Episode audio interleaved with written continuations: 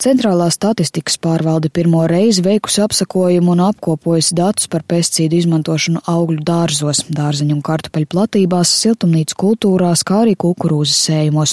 Statistika un dati par izplatītajiem auga aizsardzības līdzekļu apjomiem liecinot, ka šo ķīmisko vielu daudzums Latvijā joprojām ir viens no mazākajiem Eiropas Savienībā. Līdzīgs secinājums bijis arī 2012. gadā veiktajā apkopojumā par pesticīdu lietošanu graudaugu kultūrām un rapsim. Vairāk stāsta valsts auga aizsardzības dienesta pārstāvis Vents Ezers.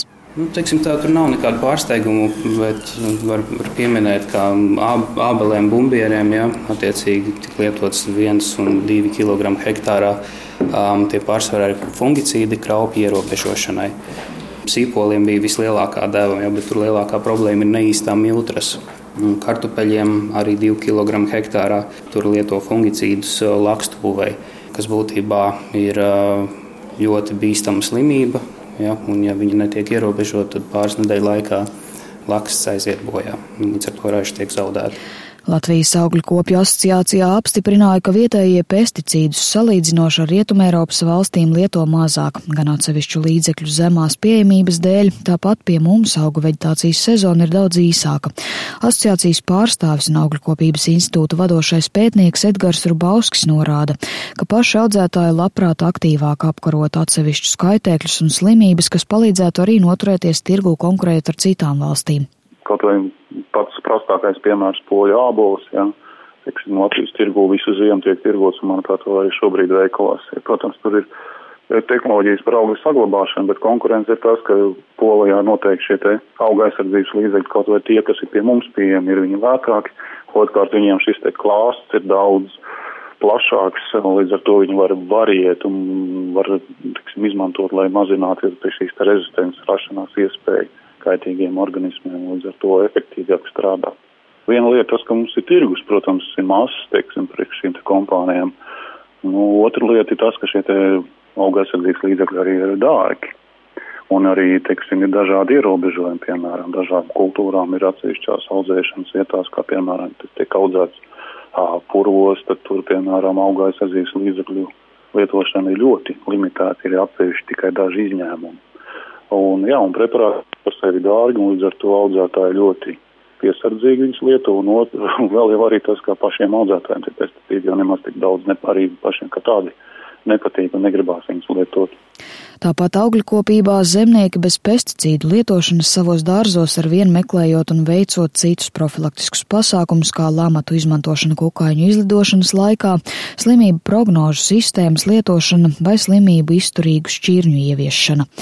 Runājot par lietotās pesticīdu devas un noteikumu pārkāpumiem, valsts augu aizsardzības dienesta pārstāvis Vents Ezers norādīja, lai arī sūdzības par dažādu kultūru audzētājiem dienesta reģionālajās nodaļās ienāk visai bieži, No tām pamatoti pārkāpumi ir maz, pērn bijušas 17 administratīvās lietas. Savukārt tādi mm, skaļāki gadījumi, um, kad tiek pierādīts, ka līdzeklis ir lietots neatbilstoši, tas parasti ir pēc sūdzībām. Tur lielākoties um, pārkāpumi ir saistīti ar aizsargos neievērošanu. Ja? Līdz ūdens objektiem vai arī smidzinājumu nokļūšanu uz blakus lauka. Tā tad nav ievērots uh, likumdošanā noteiktais vēja ātrums, kas ir 4 m2 vai 8 m2, ja ir speciālas iekārtas. Aizsargjoslas tas katram līdzeklim ir atšķirīgs. Nu, tāpēc vēlreiz varu atgādināt, ka nu, pirms līdzekļu lietošanas ir rūpīgi jāiz, jā, jāizlasa marķējums, jā, jāiepazīstas ar lietošanas ierobežojumiem, gan savas veselības aizsardzībai, vidas aizsardzībai. Tāpat ir jāskatās devas, kāds ir nogaidīšanas laiks pirms ražas novākšanas, ja, apstrāžu skaits sezonā. Visi šie faktori ir jāņem vērā. Pat labam par pesticīdu glabāšanas un lietošanas prasību pārkāpšanu paredz naudas sodu līdz 350 eiro fiziskām personām un līdz 700 eiro juridiskām personām. Kā redzamu kaitējumu vidē bieži min pesticīdu ietekmi uz bitēm. Pērn bijusi ierosināta arī kāda administratīvā pārkāpuma lieta, proti pesticīdu neatļautas lietošanas dēļ kādā dravā gājušas bojā bites. Kas tad ir pa posmu? Šis ir pa posmu. Domāju, Visā procesā. Es domāju, ka šis ir tāds posms, viņas jau saprot, ka ir rudens. Viņam viss tā, tā, tā aktivitāte, tā, tā patiesībā tā īsti ir līdz jāņem, drusku pēc jāņem. Bet tagad viņš saprot, ka ir jātaisās uz ziemas pusi. Ilgadējs biškopis no Kandavas puses Olavs Baltgāvis atrādot stropus pastāstīja, ka šogad būšot vāja medus raža. Nesā laika dēļ šajā reģionā ir neizdevies nektārs augiem. Arī biškopis saimniekojot nereti aizdomājas par pesticīdu klātbūtni dabā un skaidro, ka apbraukāt visus tuvumā esošos lauksaimniekus un sarunāt, lai pabrīdina par ķimikāliju lietošanu nav iespējams, jo bits lido 7 km rādījusā. Ja tas zemnieks visu izdara tā, kā viņam ir uh, pēc instrukcijām tas ir paredzēts, ja, ka viņš miglo tikai neziedošus augus. Viņš nedrīkst miglot ziedošu vispār. Ja viņš at, ar atļautu ķimikāliju strādā, un ja viņš eh, teiksim, atļautajā diennakts laikā strādā, teiksim, vakarā, tad tur arī nekāds apdraudējums nav tām bitēm. Mm. Un tā sadarbība tam biškopim ar to lauksaimnieku sākas tad, ja, tās, ja tā draugs stāv kaut kāda tiešā lauka tūmā. Ja. Mm viens, ka izvietos bites, otrs varētu brīdināt, ka viņš tagad miglos. Un tur, tur tā sadarbība varētu veidoties, bet, bet principā tas ir viss atkarīgs no, no tā lauksaimnieka eh, kaut kāda goda prāta un no lauksaimnieka zināšanām par visu to procesu. Pirmkārt, lai viņš izdara visu tā, kā tas ir vajadzīgs, lai viņš zina, kāpēc tas ir jādara.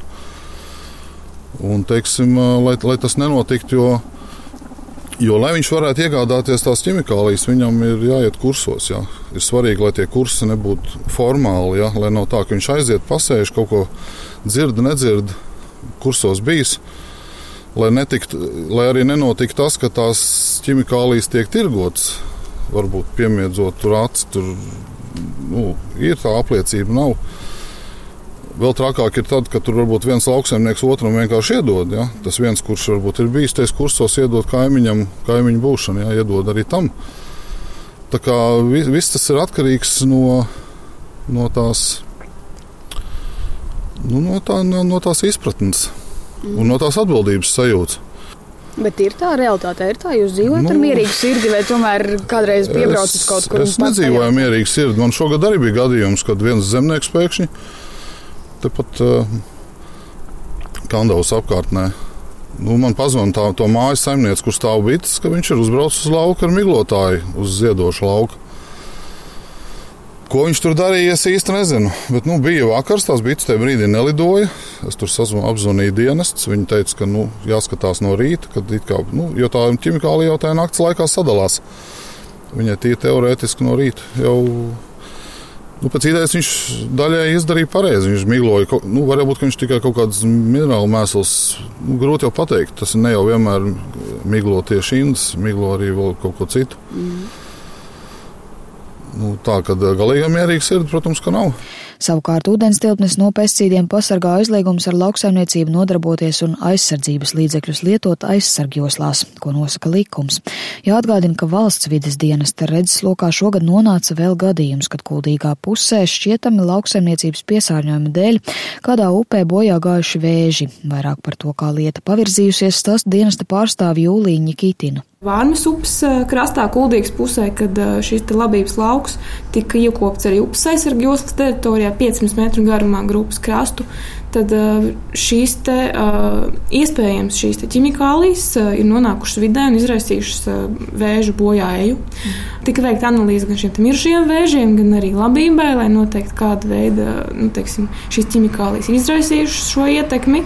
Ši, šobrīd rezultāti ir zināmi, un principā var teikt to, ka šajos vēžos, kas ir gājuši bojā, pārsniegumi konkrētiem pesticīdiem konstatēti netika. Līdz ar to mēs joprojām gaidām šos labības izmeklējumus, lai saprastu, kāda veida koncentrācijas, te, cik liels koncentrācijas šīs ķīmiskās vielas vidē nonāca un vai viņas tiešām var izraisīt šādu efektu. Laiku pa laikam pētnieki gan arī izvērtē apritē jau esošo pesticīdu ietekmi uz vidi, un Eiropas fondu projekta ietvaros kāds eksperiments šogad veikts arī tepat Latvijā, Daugavpils universitātei sadarbojoties ar Latvijas Hidroekoloģijas institūtu. Pētnieki vērtējuši lauksaimniecībā plaši izmantoto herbicīdu Roundup un insekticīdu Fastak ietekmi uz ūdens organismiem, tos izsmidzinot laboratorijas akvārijos, tieši ūdens vidē. Tādējādi imitējot situāciju, ja dabā miglojot laukus, netiktu ievērots aizsargjoslu nosacījums. Plašāk par secināto eksperimentā un ziņoto Eiropas toksikoloģijas konferencē maijā turpina pētniece Maija Balode. Un vislielākā jutība pret herbicīdu Roundup ietekmi no mūsu eksperimentiem iekļautajiem test organismiem bija mikroskopiskajām zaļaļģēm, nu, salīdzinoši viszemākā zivīm. Ņemot vērā lauksaimniecībā pieļaujamās herbicīda Roundup izsmidzināšanas koncentrācijas, lai panāktu tā netoksisku iedarbību, nokļūstot ūdens tilpē, būtu nepieciešams vismaz 30 kārtīgs atšķaidījums attiecībā pret aļģēm un vismaz 8 kārtīgs atšķaidījums attiecībā pret zooplanktonu un zivīm. Un ūdens vidē nonākot fastaka izsmidzināšanas koncentrācijām, tās var izsaukt plašveidīgos zivju mazuļu bojā ej dažu stundu laikā. Baloda norādīja, ka pētījuma rezultāti liek aizdomāties par striktu piesardzību strādājot ar pesticīdiem ūdens tilpņu tuvumā un iespējams nākotnē nepieciešamību pārskatīt izsmidzināšanas koncentrācijas normas Eiropā. Savukārt zemnieku saimas eksperti agronoma Īveta Krudovska papildināja, ka arī zemniekiem pārlieka pesticīdu lietošana nav paprātam dārgo izmaksu dēļ. Turklāt Latvijā to lietojums patiešām ir salīdzinoši neliels īsās sezonas dēļ. Taču lauksaimnieku ieskatā ar vien arī sabiedrībā ir pārlieku lieli mīti par pesticīdu lietošanas kultūru Latvijā. Savukārt atsevišķos vides piesārņojumu gadījumus vērtē kā neuzmanību. Vēl ko gribētu pateikt, ka sabiedrībai šķiet, ka lauksaimnieki rīkojas, kā viņiem pašiem šķiet. Uh, tā nebūtu nav. Mēs uh, um, ļoti, es teiktu, skrupulozi esam ieviesuši Eiropas Savienības regulējumu. Un arī attiecībā uz dažādu veidu pesticīdiem tomēr ir pietiekami liels regulējums par to, cik reizes sezonā viņus drīkst lietot, kāds ir nogaidīšanas laiks, kādā laikā vispār drīkst viņus lietot. Bet mēs kā pircēji esam nobalsojuši par lētu pārtiku. Un lēta pārtika nekad nebūs roku darba spēks. Un tas arī izskaidro, kāpēc mums ir šīs abas alternatīvas Tātad mēs audzējam produktus ar bioloģiskām metodēm, tātad uh, mm, nelietojot nekāda veida pesticīdus un sintētiskos minerālu mēslus. Tā. Tikai augu, maiņa un, un organiskie mēsli. Un ir otra sadaļa, kas ir intensīva, vai, vai šobrīd mēs tā kā lēnām un pamazām ejam atpakaļ pie vecās labās integrētās audzēšanas, kur ir ļoti, ļoti sabalansēta, pārdomāta šī gan augu maiņa, kas zināmā mērā ir tas priekšnosacījums, ka varētu mazāk lietot, nu, piemēram, fungicīdus, jā, jo, bet tas notiek ļoti lēnām, jo tirgus nosaka visu. Apsekojumu par pesticīdu lietošanu lauksaimniecības kultūrām Eiropas Savienībā organizē reizi piecos gados, un salīdzinājums ar citām Eiropas Savienības valstīm būs pieejams Eirostat datu bāzē nākamgad. Sinti Ambot, Latvijas radio.